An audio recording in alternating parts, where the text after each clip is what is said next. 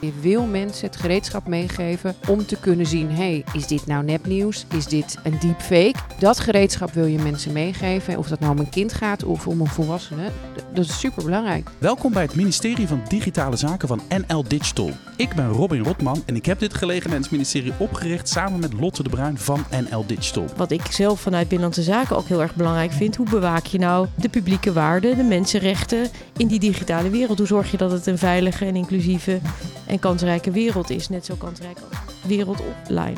Vandaag de gast, staatssecretaris van Koninkrijksrelaties en Digitalisering, Alexander van Huffelen. Welkom. Wij zijn bijzonder verheugd dat jij vandaag uh, te gast bent in onze podcast. Onze podcast heet natuurlijk het Ministerie van Digitale Zaken. En we zijn deze podcast juist gestart om aandacht te vragen voor digitalisering in het kabinet. Daarom zijn wij ontzettend blij met de komst van de staatssecretaris. En uh, eigenlijk ook heel erg geïnteresseerd naar jouw ervaringen tot nu toe. Vandaag bespreken we de uh, speerpunten zoals Europese samenwerking en de belangrijkste politieke thema's rond digitalisering. We hebben afgesproken om te tutoyeren vandaag. Dus ontzettend leuk dat wij hier te gast zijn bij jou hier in het mooie Den Haag. Nou, ja. fijn uh, dat jullie er zijn. En uh, inderdaad een heel fijn onderwerp om samen over te spreken. En wat ik ook al eerder vertelde is dat jullie podcast uh, tot nu toe ook onderwerp was van mijn voorbereiding op deze baan. Um, dus um, ik heb er met heel veel plezier steeds naar geluisterd. Dus we leuk zijn, dat ik eraan mee mag doen. We zijn gewoon deel van de, van de inwerkperiode ja, van de staatssecretaris. Absoluut. Ja. heb, je, heb, heb, je nog iets uh, specifieks geleerd in de, in de podcast? Iets nou ja, zegt, oh. uh, sowieso over de thema's rondom Europa hebben jullie veel aandacht aan besteed. En digitaal onderwijs natuurlijk ook. Jullie hebben het gehad natuurlijk over het belang dat er iemand specifiek in het nieuwe kabinet zou moeten komen die het onderwerp digitalisering uh, centraal heeft. Dus het is heel mooi dat dat uh, gelukt is. Ja, nu um, ben jij staatssecretaris van Koninkrijksrelaties en Digitalisering. Wij hebben dit gelegenheidsministerie opgericht om een beetje te prikkelen. Er moet een ministerie van Digitale Zaken komen. Wat een vreemde combinatie eigenlijk. Ja, het is, het is ook een combinatie die eigenlijk heel erg past bij, uh, bij het ministerie van Binnenlandse Zaken en Koninkrijksrelaties. Want het ministerie gaat daarover. En deze portefeuille is natuurlijk ook al, was er in het, in het vorige kabinet ook. Maar dan uh, was digitalisering vooral een onderwerp over digitalisering vanuit de overheid. En waar mm -hmm. dit nieuwe kabinet voor heeft gekozen is om daaraan toe te voegen, digitalisering van de hele samenleving. En het zorgen dat alle activiteiten van het kabinet op dit gebied ook gecoördineerd worden. Dus die combinatie heeft eigenlijk gemaakt dat, die, dat, uh, dat het in één portefeuille zit. En ja, je kunt natuurlijk ook wel zeggen dat het ook wel een bijzondere combinatie is. Ik vind het een hele interessante en leuke combinatie. En uh, in ieder geval is er een, inhoudelijke, een inhoudelijk thema, want digitalisering speelt op de eilanden in ons koninkrijk ook echt wel een heel grote rol. Niet in de laatste plaats om ook te zorgen dat de economie daar wat verder gediversificeerd wordt, dat mensen ook goed bereikbaar zijn. Um, uh, dus het is ook zeker een onderwerp wat, uh, wat in de Caraïbe heel erg speelt. Dus daar komen ze samen? Daar komen ze heel mooi samen. Voornaam. Ja. Nu zit je al een paar maanden op deze post. Hè? En uh, je bent niet per se iemand die een hele dikke, vette achtergrond heeft in de IT-sector of in de, digita in de digitale sector. je hebt als huiswerk al deze podcasts die wij hebben opgenomen met de Tweede Kamerleden, met, de, met Europarlementariërs, met andere deskundigen heb je geluisterd. Als je nou zo na een, een, paar maanden een beetje het net ophaalt. Wat zijn dan de thema's waarvan je denkt van, oh, dat vind ik lastig? Eerlijk eerlijk, dat vind ik gewoon lastig. Nou, er is eigenlijk, um, er is niet zoveel wat ik echt lastig vind. Want ik vind vaak dingen heel erg interessant. Ik heb in mijn carrière heel veel verschillende banen gehad. Ik heb lang in de energiesector gewerkt. Heel lang aan duurzame energie- en milieuthema's. Ik heb in het openbaar vervoer gewerkt. Ik ben wethouder geweest in Rotterdam. Um, en zo'n nieuw thema, dat intrigeert me gewoon. Ik vind het vooral heel erg interessant om er verder in te duiken. Overigens, hè, in de banen die ik ervoor had, speelde digitalisering wel een rol. Hè. Bijvoorbeeld in het openbaar vervoer, denk eens aan alles wat te maken heeft met de OV-chipkaart en de ontwikkelingen daarin. Maar ook de Noord-Zuidlijn. Dat is eigenlijk voor de helft was dat gewoon een IT-project. Want het gaat natuurlijk over een tunnel en over metro's. Maar ook heel veel over treinbeveiliging en over hoe dat functioneert. Dus het was niet helemaal nieuw. Maar ik vind het wel heel erg intrigerend om erover na te denken. En als je dan zegt van wat vind ik nou echt ingewikkeld... is natuurlijk voor een deel bedenken... wat is nu echt het meest belangrijke waar we in de komende tijd aan moeten werken. Want het onderwerp digitalisering is natuurlijk verschrikkelijk breed. Het is heel Het gaat over groei van onze economie. Het gaat over infrastructuur. Maar het gaat ook over dat thema wat ik zelf vanuit Binnenlandse Zaken ook heel erg belangrijk vind. Hoe bewaak je nou de publieke waarden, de mensenrechten in die digitale wereld? Hoe zorg je dat het een veilige en inclusieve en kansrijke wereld is? Net zo kansrijk als de de wereld offline. Ethiek by design, menselijke maat by design, vind ik altijd een leuke. Ja, nou dat soort thema's spelen natuurlijk een heel belangrijke rol. Ehm, zeker als je kijkt naar hoe groot de digitale wereld voor ons allemaal is. Hè. Iedereen is, is uren per dag uh, online. Uh, niet alleen maar voor je werk, maar ook op social media. Uh, je krijgt je informatie er binnen. Ja, en dan wordt het natuurlijk ook echt heel belangrijk om na te denken over de vraag wat je dan precies allemaal ziet en wat er gebeurt met de informatie die jij zelf deelt en wat er gebeurt met jouw data en hoe dat soms ook commercieel wordt uitgenut. En dat dat voor heel veel mensen ook helemaal niet zo helder is hoe en dat werkt. Wie is die data eigenlijk? Hey Lotte, ja. Jouw organisatie NL Digital, jij vertegenwoordigt hier de, de, de, de digitale industrie. Uh, een belangrijk deel van jullie uh, werk is natuurlijk uh, lobbyen bij de politiek. Nou, nu zit je dus met het kanon aan tafel. ja, maar, van 1,56 meter. ja. wat, wat, wat, wat hoop jij eruit te halen vandaag? Wat, is, nou, wat, wat, kijk, ik, wat ik tot nu toe al hoor, word ik heel blij van. Het gaat heel erg van visie naar specifiek, naar digitali digitalisering als middel om een doel te bereiken. Waarbij je hele duidelijke afspraken moet maken over randvoorwaarden. Dat niet in splendid isolation moet doen. Dus niet alleen maar nationaal, maar zeker ook Europees. Dus ik, uh, ik heb ontzettend veel goede hoop. Ik hoor alleen maar leuke haakjes om op door te, uh, door te gaan en door te praten. Wat jij net zegt, Alexandra, maakt het natuurlijk leuk. Hè? Digitalis digitalisering, het zit overal. Er zijn ethische kwesties, het gaat over data, het gaat over uh, kunstmatige intelligentie, de blockchain, de metaverse. Super gaaf allemaal. Uh, maar dat maakt het misschien ook lastig. Jij zegt dus, vind ik interessant, maar het maakt het ook lastig. Want digitalisering, eigenlijk alle ministeries hebben ermee te maken. Wat is nou eigenlijk jouw taakopvatting dan? Ben jij dan de digitale sheriff die alle collega's erop wijst van... hey, let op, pas op met dat algoritme. Of let op daar, of privacy hier, of security. Wat, hoe, wat, is, jouw, wat is jouw taakopvatting eigenlijk als staatssecretaris? Nou ja, ik heb een, een coördinerende rol in het kabinet. En in die hoofdlijnenbrief die we een paar weken geleden hebben uitgebracht, hebben we natuurlijk ook laten zien waar het kabinet in de komende tijd de focus op wil leggen. En daarbij speelt uh, wat wij noemen het digitale fundament. Het zorgen dat die digitale wereld net zo'n veilige en kansrijke en inclusieve wereld is als de normale wereld. Een heel belangrijke rol. Dus dan gaat het over inderdaad over data en welke data mogen nou wel of niet gedeeld worden. Um, hoe zit het precies met de kennis en kunde die er is rondom algoritmes? Hoe zorgen we ervoor dat de juiste algoritmes worden gebruikt en niet degene die tot problemen leiden?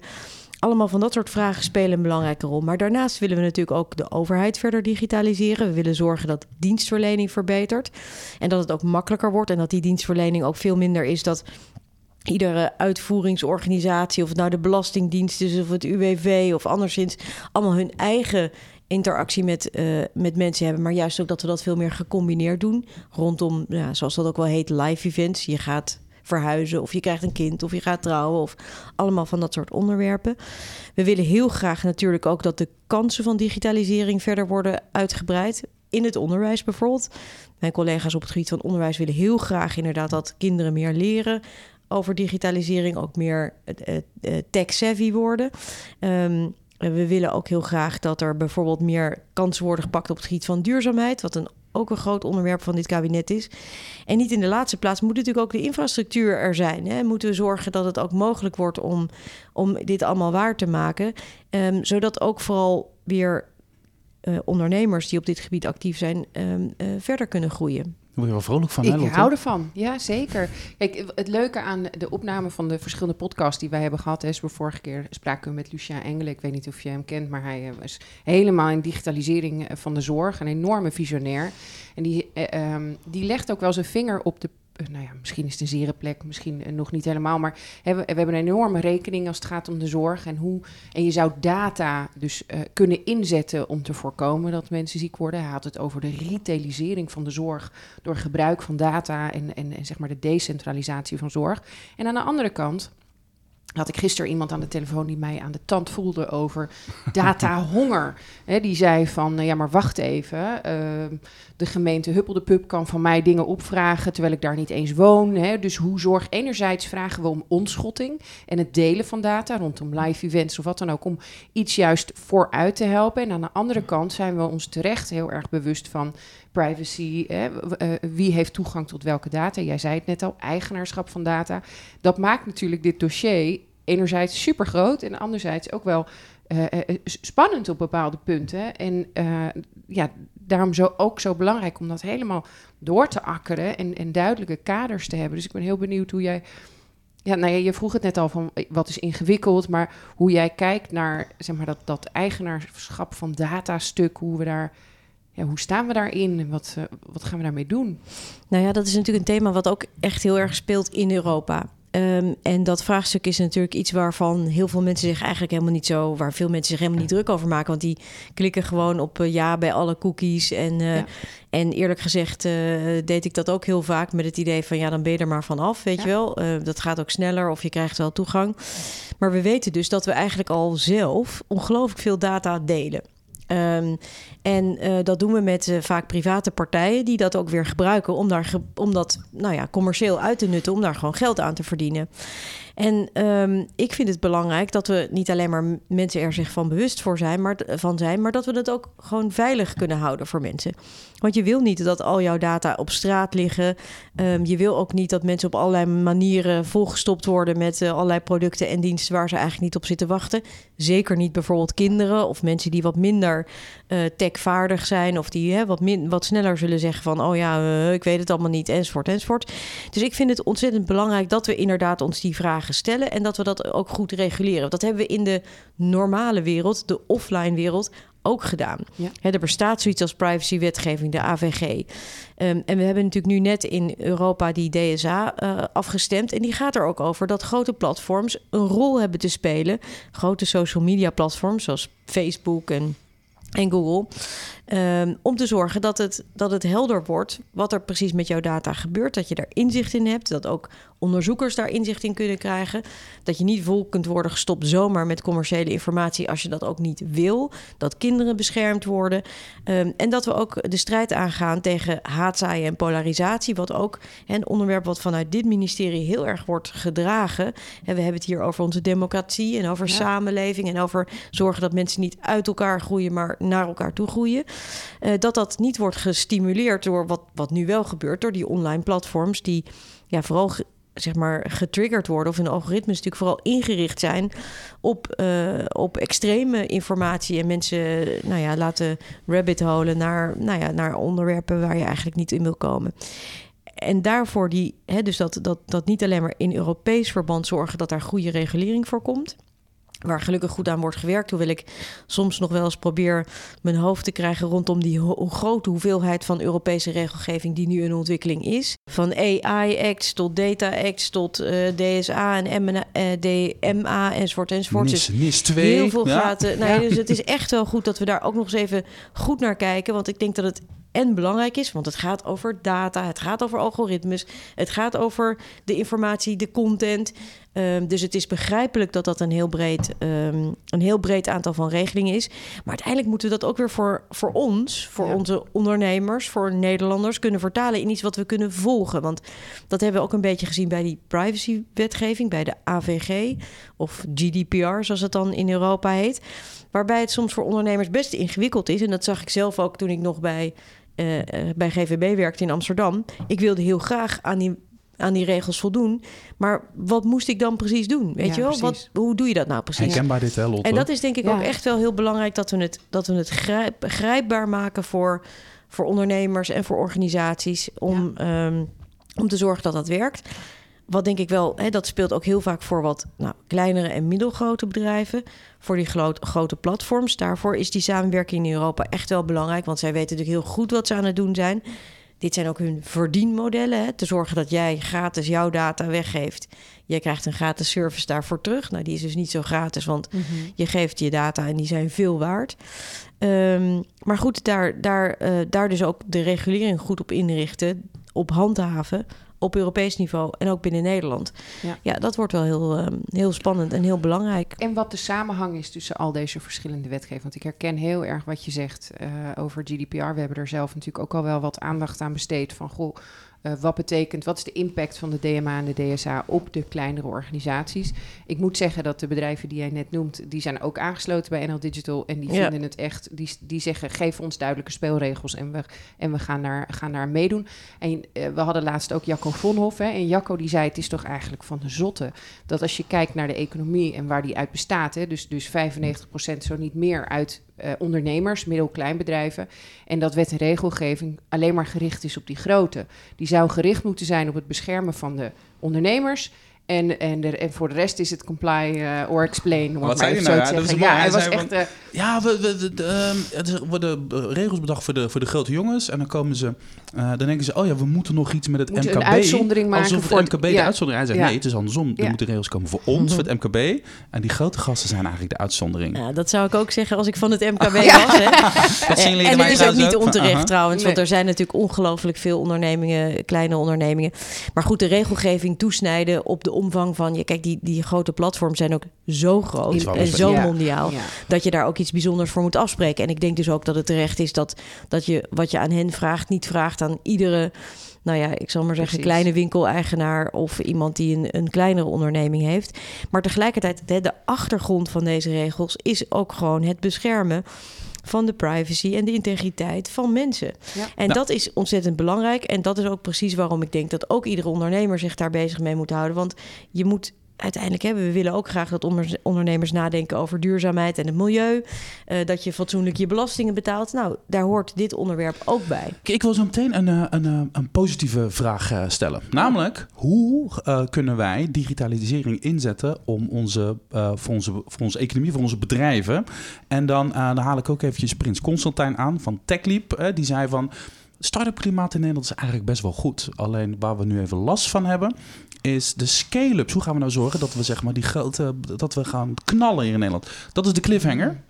Eerst eventjes onze rubriek. Als ik minister van Digitale Zaken was. En dan is een beetje flauw, want die vragen stellen we nu dus aan de staatssecretaris. Dus een beetje jolig. Maar we gaan het toch doen. We gaan het toch doen. Het zijn twee ja-nee-vragen en twee open vragen. Ik begin bij de ja-nee-vragen. Nuanceren mag achteraf. Er komt een tijd uh, dat burgers zelf mogen kiezen of ze hun uitkering in bitcoin ontvangen. Ik denk het voorlopig niet. Ik neem dat even als een nee. Ik vind het prima, dat is een nee. Ja hoor. Eigenlijk ik, maar ik vond trouwens deze, deze, deze drie seconden stilte, ja, deze ja, daar, ben ik, daar zijn we benieuwd dat, dat, dat, vond ik veel zeggen, dus ik ja, vind het prima. Ja, Het is ook niet dat we hierop uit zijn, maar ik vond het wel een interessant... Uh, de, dat, die, die, die, de kraken zo, van het brein vond ik wel leuk. Oké, oké. Okay, okay, meer over vragen. Eigenlijk zou elke ondernemer gratis digitaliseringsopleidingen moeten kunnen volgen. Um, opleidingen ja, gratis, dat hoeft niet noodzakelijkerwijs wat mij betreft. Stiekem toch handen nuancering. Oké, ja, heel goed. Maakt niet Wat hoop jij als minister van Digitale Zaken dat digitalisering Nederland brengt in de komende tien jaar? Nou ja, ik hoop natuurlijk vooral heel veel mooie producten en diensten voor bedrijven en voor uh, Nederlanders.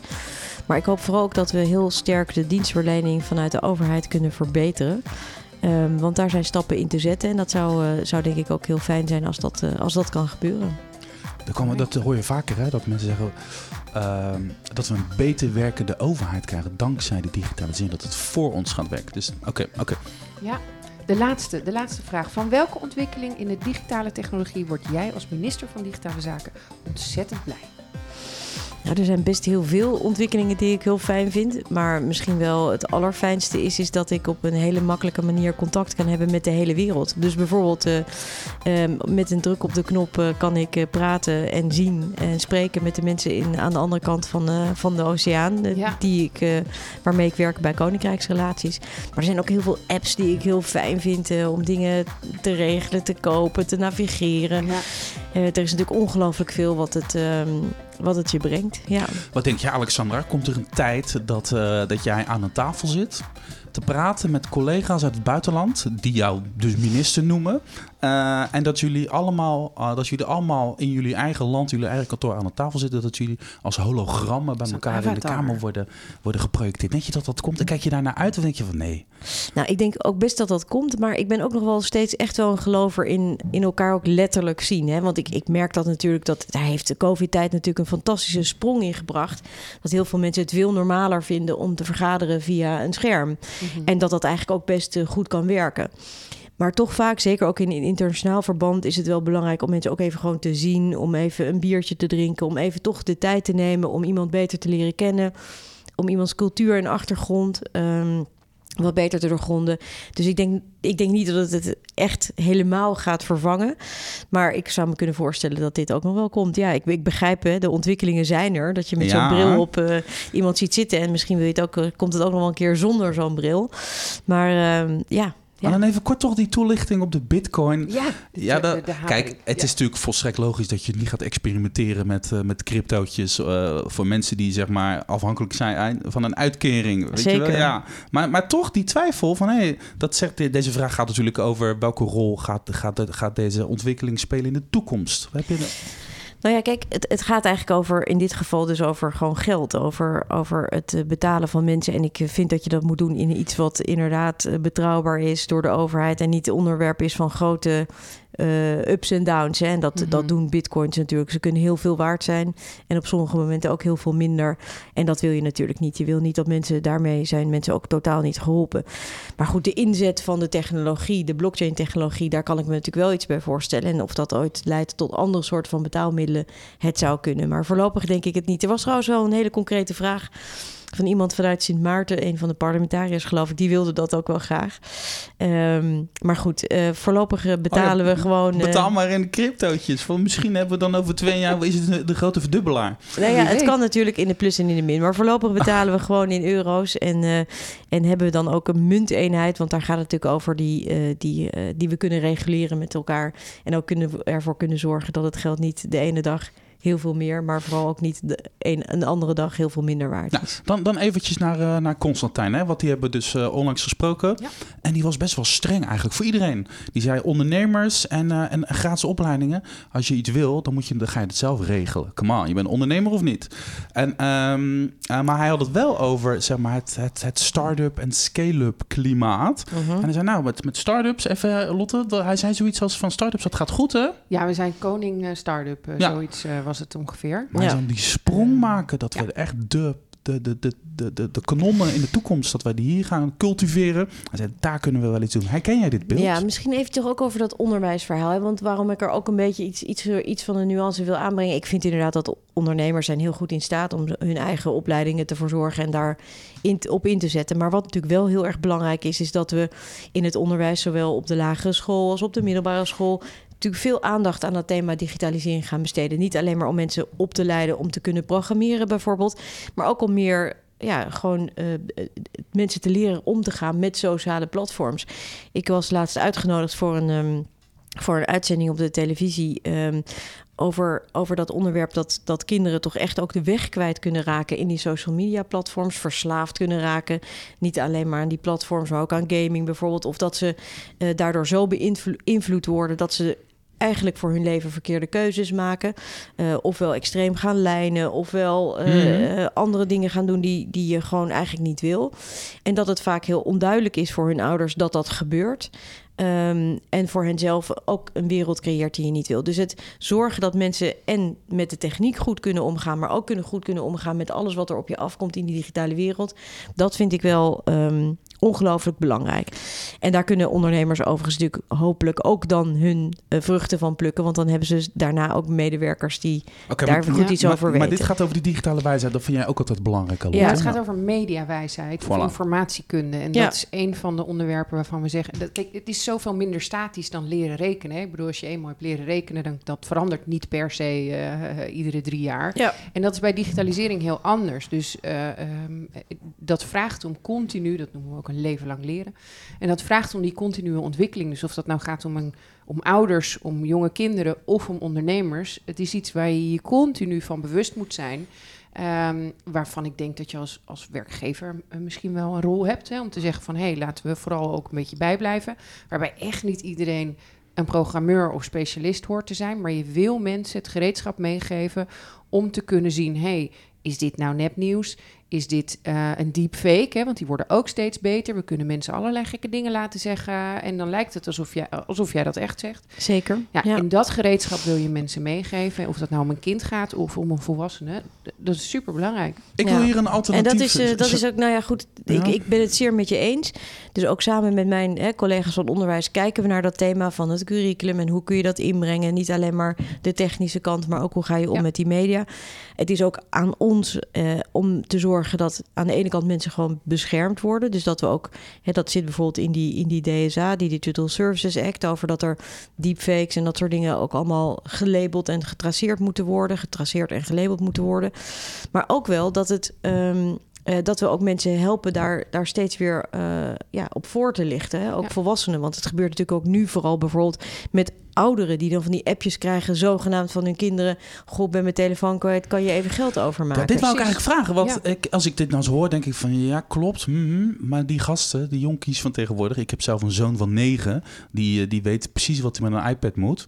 Eh, denk ik van, zijn dat nou, is nou de, zijn nou de jongeren de mensen die we moeten opleiden? Want volgens mij zijn het de 40-plussers zoals ik, die eigenlijk misschien Maar- wel een zetje kunnen Het is, het, is, het is natuurlijk allebei. Kijk, want jouw zoon die weet waarschijnlijk wel heel goed hoe de techniek werkt en hoe de iPad werkt en hoe je daar dingen kunt zien.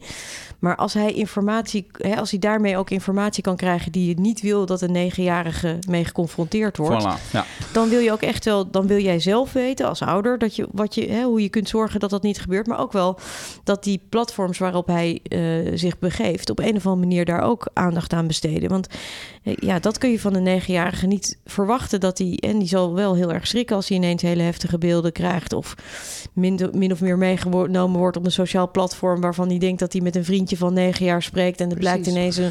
volwassen kerel te zijn of zo. Ja. Weet jullie eigenlijk nog wat de vraag is die ik stelde? ging over Ja. scale-ups. Precies, Ja, daar sorry. gaan we naar terug. Maar we hadden, nee, maar we hebben het echt over dat, dat thema van het onderwijs en voorlichting.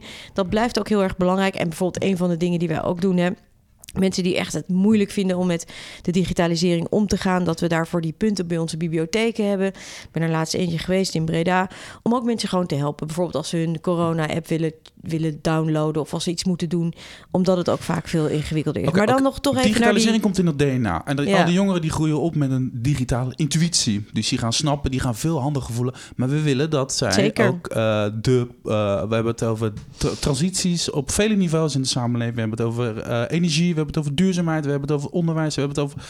En digitalisering zit er nou helemaal heel de tijd bij. Nou, we zijn kennelijk goed in ideeën bedenken. We zijn Ja. een creatief volkje, wij met z'n allen. En we hebben aan de lopende band hele toffe ideeën en, en, en, en leuke apps en technologieën. Uh, onze uh, universiteiten doen het supergoed als het gaat over technologisering en digitalisering. Maar dan nog steeds, hoe gaan we ervoor zorgen dat deze vette start-ups dikke scale-ups worden? Ja. Wat kan de overheid hier nou doen? Is dat een kwestie van fiscaal aantrekkelijk maken of wat, wat gaan we doen? Nou, ik denk dat het is, het is een thema waar mijn collega van Economische Zaken natuurlijk heel erg aan werkt. Want het, het is inderdaad zo dat er ongelooflijk veel goede ideeën worden bedacht.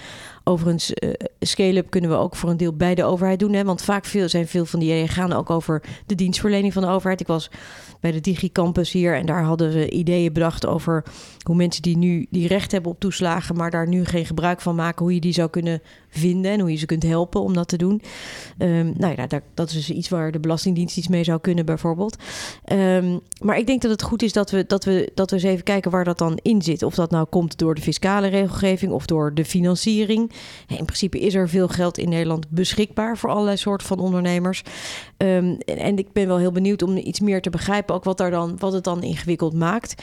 Want ja, ik, ik weet bijvoorbeeld wel dat wat een van de dingen is die scale-up soms zo ingewikkeld maakt, is, is de internationale context. Het is makkelijker om dat in een heel groot land te doen, in de Verenigde Staten, waar veel. Uh, en, en, en in Europa soms ingewikkelder, omdat dan net de regels een beetje anders werken in een ander land. Nou, daar heeft denk ik dus ook wel Europa een rol te spelen. Maar het is wel een. Dat is uh, dat gelijk speelveld, hè?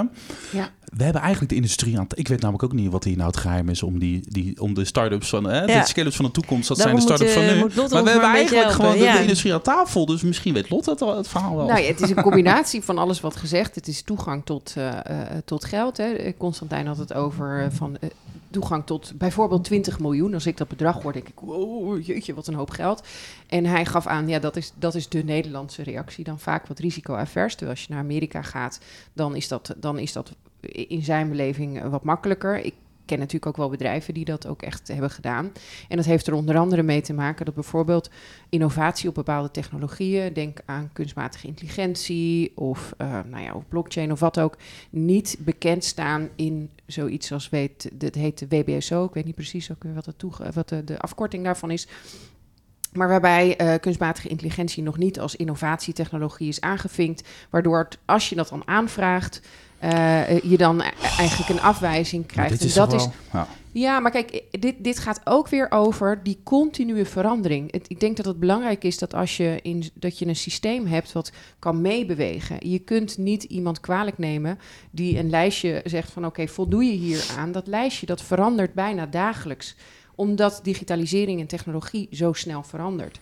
Dus hè, dat is belangrijk. Als je mij vraagt van hoe zou je scale-ups een booster kunnen geven, is ervoor zorgen dat je een systeem hebt wat meeademt, wat meegaat met eh, eh, met de ontwikkelingen. Maar tegelijkertijd wil je ook een check doen van wil je hier als land, als, als overheid ook daadwerkelijk eh, in meefinancieren. Dus ik, ik kan me voorstellen dat dat een, ja, een balans is die je continu moet, moet afwegen. Dus ja, daar zien we het wel eens wat misgaan. het hoeft natuurlijk ook niet altijd van de overheid te komen. Hoewel we hè, in het groeifonds en de toekenning van, eh, van de laatste ronde ook eh, een heleboel digitale onderwerpen ook mee hebben genomen. Ehm, maar het is natuurlijk heel interessant. En, en nogmaals, dat is ook echt goed om, eh, om daar vanuit het, dat economisch perspectief naar te kijken. Van hoe kunnen we die, die setting voor scale-ups in Nederland interessanter maken? Of dat nou met regelgeving is, of fiscaliteit, of het zorgen dat er makkelijker toegang tot kapitaal is. Ehm, dat kan allemaal, want ik bedoel, 20 miljoen is, is voor een grotere ondernemer natuurlijk niet een heel erg ingewikkeld bedrag. Ehm, en in ons groeifonds hebben we het ook vaak over heel veel grotere bedragen. Daar Precies. begint het pas wel vanaf eh, projecten vanaf 30 miljoen. Ehm, dus de mogelijkheid is er. Maar het is natuurlijk ook wel, denk ik, voor ondernemers vaak een ingewikkelde stap. Hè? Van je begint met een klein en goed idee. En je doet het met, eh, nou ja, jezelf en misschien nog een paar mensen. En ineens moet het natuurlijk heel veel gaan groeien. En dan wordt alles ingewikkelder. Dan Mhm. wordt, het, hè, dan wordt je organisatie ingewikkelder. Heb je geld nodig? Moet je voldoen aan allerlei regels. Ehm, dus ik denk dat het wel heel goed is om daar steeds ook gewoon het. ehm, te kijken hoe we dat goed aan elkaar verbinden. En het is, hey, ik heb wel gezien dat er, je hebt natuurlijk van die digitale campuses en heel veel daarvan. En daar, daar zie je dat die start-ups, dat, dat gaat dan ook goed. En ik denk dat het ook goed is om eens een keer verder te kijken. Ik ben wel eens in Frankrijk, in Parijs heb je een soort van meer een soort scale-up community. Ehm, ook wel voor een deel eh, eh, opgezet door de, door de Franse overheid, waarbij dan weer gaan, waarbij banken en investeerders en eh, dit soort eh, succesvolle start-ups ook samen zitten om de vraag te stellen: hoe kunnen we nou de volgende stap maken? Ja. En, ehm, en dat is natuurlijk ook wel echt iets wat we in Nederland, denk ik, ook zouden moeten willen. Want die, ja, dat ondernemerschap zit ons toch in het bloed. En, ehm, en er zijn natuurlijk ook hele grote, succesvolle ondernemers. Ehm, dus het is wel heel interessant. En aan de andere kant is het ook wel weer leuk om te kijken hoe zo'n start-up samen met ons verder kan. Hè? Dus Precies. het idee dat wij ook met de overheid. De, voor, die, voor die dienstverlening waar ik het net over had, ook kunnen samenwerken met hele slimme en leuke mensen. Dat is voor ons natuurlijk ook heel fijn. Ik vind de, de publiek-private samenwerking, vind ik ook. Ik zit ook in topteam ICT eh, vanuit mijn rol als ambassadeur van de Human Capital Agenda. En daar hebben we het over sleuteltechnologieën. Dus waar willen we nou ontzettend goed in zijn eh, in Nederland? Dus dan heb je het over fotonica, nou, eh, kunstmatige intelligentie, noem maar op. En daar heeft Constantijn natuurlijk ook wel een opmerking over gemaakt. Van als je een ondernemer bent, dan regel je het wel. Ook die doorstoot van zeg maar eh, start-up naar scale-up. Als je je slim richt op die thema's die de sleuteltechnologieën zijn waarvan we zeggen, hier willen wij heel erg goed in zijn, dan ga je je daar ook op richten en dan hoef je niet per se naar het buitenland. Maar dat is, dat is natuurlijk ook wel zo. Hè? Tegelijkertijd, ik bedoel, niet voor niks zit eh, Constantijn natuurlijk in de rol waarin hij zit. Om ons ook Ja. allemaal scherp te houden. En ik denk dat het ook wel iets is om, om te zorgen dat we ook beter worden. Kijk, we zijn ook een economie die erg veel. We zijn uiteindelijk, Nederland is een klein land. Eh, met heel veel, heel veel slimme mensen, met heel veel fantastische mogelijkheden. Maar het is natuurlijk ook wel ehm, goed om met elkaar in gesprek te blijven over hoe kunnen we het nou makkelijker maken. Ehm, ja, dat, dat vind ik wel verstandig. Ja. En of dat nou is door, door kapitaal of door fiscale regelingen of anderszins, ja, daar moeten we dan ook wel goed het gesprek over aangaan. Ehm, en dat, en dat, en dat, dat is ook wel iets wat, wat, eh, wat ik weet dat, eh, dat vanuit eh, het ministerie van EZK ook heel erg gebeurt. Ja. Maar goed, nogmaals, daar, daar ook echt scherp op blijven, dat is goed. Want we moeten ook niet eh, blijven tukken natuurlijk. Lotte, Nee. we hebben niet zo heel veel tijd meer. Nee, We hebben een vraag uit het veld van Jelma, jouw collega. Ik denk dat we die moeten overslaan. Die gaat over digitalisering in het onderwijs. En volgens mij hebben we daar een hele hoop over gehoord. Ik wil nog heel even afronden met jouw stokpaardje. Digitale inclusie. Ja, Heb je daar nog een vraag over aan de, aan de, aan de minister? Whatever. Nee, In het buitenland ben ik dat, hè? Juist. Dus, eh, ja, dat vind ik mooi. daar- ik wil, daarmee wil ik hem maar afronden. Dat is belangrijk voor jou. Ik neem aan dat het ook voor de staatssecretaris belangrijk is. Digitale inclusie. Ja, we, uh, moet ik even snel schakelen over een vraag. Kijk, we hebben het erover gehad over bibliotheken, waar mensen mhm. terecht kunnen. Digitalisering is natuurlijk een steeds groter onderdeel van de maatschappij. Uh, tegelijkertijd zijn er hele grote groepen die niet mee kunnen komen. Ik ga toch een klein staartje van Jelmers vraag meepakken, want het gaat namelijk over de aanpassing van het curriculum uh, dat wil zeggen dat digitale vaardigheden, de vormen waar we het net over hadden, dus programmeren, mediawijsheid, informatiekunde, wij willen heel graag dat dat onderdeel wordt vanaf primair onderwijs. En we merken, uh, althans uh, in, in de verschillende gesprekken die we voeren, dat dat moeilijker is dan gedacht om dat aan te passen. Hè, om ervoor te zorgen dat dat ook echt wordt meegenomen. Heb jij beeld bij hoe we dat zouden kunnen versnellen? Um, uh, hoe staat het er eigenlijk voor? Uh, hoe, ja, dat zou nou ja, het, het, zomaar aanpassen van het schoolcurriculum is inderdaad niet iets wat heel makkelijk gaat. En ik denk dat dat ook wel klopt, want je wil niet dat je morgen dit leert en overmorgen dat en dan enzovoort enzovoort. Dat je daar een goede continuïteit in hebt en dat je daar ook pedagogisch goed over nadenkt, is van belang.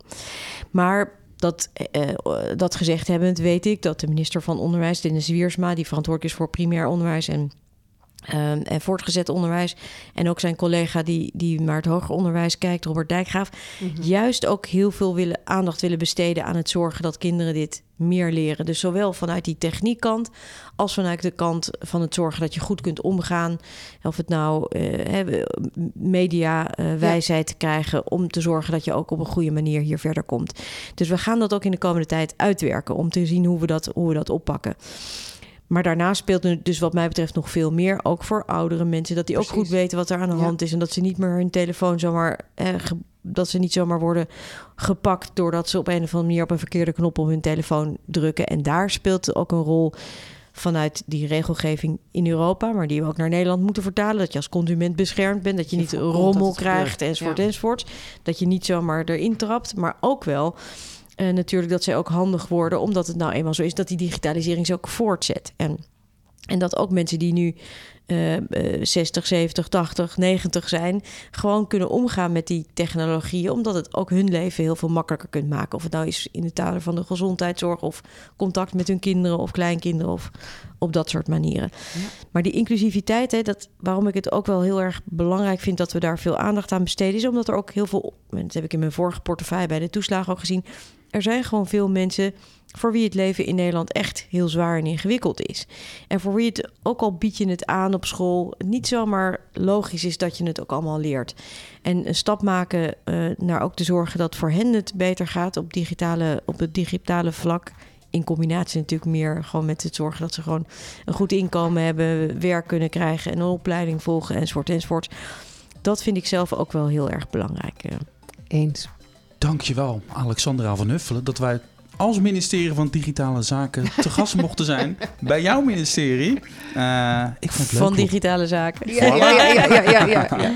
Was leuk, Lotte. Ja, ik ben wel echt onder de indruk hoe jij in korte tijd uh, zoveel uh, je zo'n beeld hebt van, van wat er allemaal gebeurt, van breed naar smal. En weet je wat ik nou leuk vond? Wij, we waren, ik, ga, ik ga je afbreken, wat ja, moet kort okay, Er zitten hier mensen naar moeten zijn. We moeten stoppen. Mag jij dan? Mag Ja, ja, ja, ja, moet door. Weet je wat ik leuk vond? Wij maakten deel uit van de inwerkperiode van de staatssecretaris. Ja, dat, denk jij, dat neem jij mee. Ja, dat vind ik leuk. Maar wat ik dan ook leuk vind, stel nou dat onze luisteraars ook dezelfde inwerkperiode willen meemaken als de staatssecretaris. Als ze willen weten hoe het zit met NIS 2, hè, dat is zeg maar de, de, de, de wetgeving uit Europa die ervoor gaat zorgen dat, dat security goed geregeld wordt. Of als ze willen luisteren naar interviews met Nelly Kroes, Diederik Samson. We hebben het gehad over AI, we hebben het overal over gehad, digitalisering. Waar moeten ze dan zijn?